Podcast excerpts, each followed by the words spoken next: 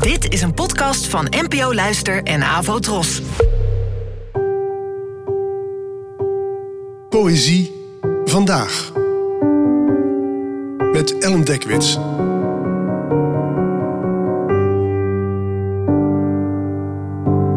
Hallo, fijn dat je luistert.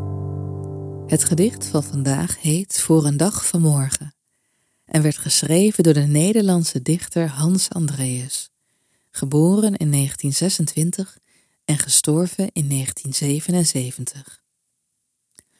Voor een dag van morgen. Wanneer ik morgen doodga, vertel dan aan de bomen hoeveel ik van je hield.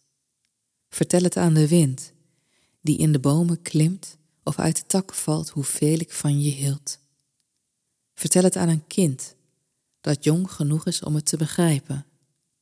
Vertel het aan een dier, misschien alleen door het aan te kijken. Vertel het aan de huizen van steen. Vertel het aan de stad, hoe lief ik je had. Maar zeg het aan geen mens. Ze zouden je niet geloven. Ze zouden niet willen geloven dat alleen maar een man, alleen maar een vrouw, dat een mens een mens zo lief had als ik jou. Het is vandaag 1 februari en dus komen vanuit etalages en reclames de hartjes je alweer tegemoet, want over twee weken is het Valentijnsdag. En wat me altijd opvalt bij Valentijnsdag is dat daarbij vooral de leuke kant van de liefde wordt bezongen waarbij je haast zou vergeten dat liefde ook altijd een vorm van verlies inhoudt, want elke relatie houdt op een gegeven moment ook weer op. Ofwel omdat de geliefden uit elkaar gaan, ofwel omdat een van de twee sterft.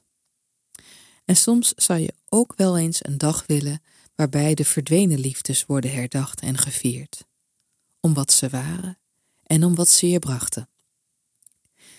In dit beroemde vers van Hans Andreas, afkomstig uit de kerstverse bloemlezing van zijn werk getiteld Je bent zo mooi anders, wordt op een liefdevolle manier het woord tot de toekomstige achterblijver gericht.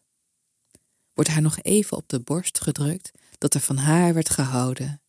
Zoveel dat het haast ongelooflijk was, maar ook, dankzij dit gedicht, niet onopgemerkt is gebleven dat hoewel mensen er niet altijd zullen zijn, de liefde die er wel was je nooit meer kan worden afgepakt.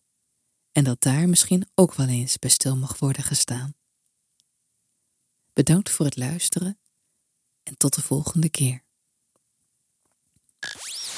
Abonneer je op deze podcast via de gratis app van NPO Luister. Daar vind je ook een handig overzicht van het complete podcastaanbod van de NPO. Afro Tros de omroep voor ons.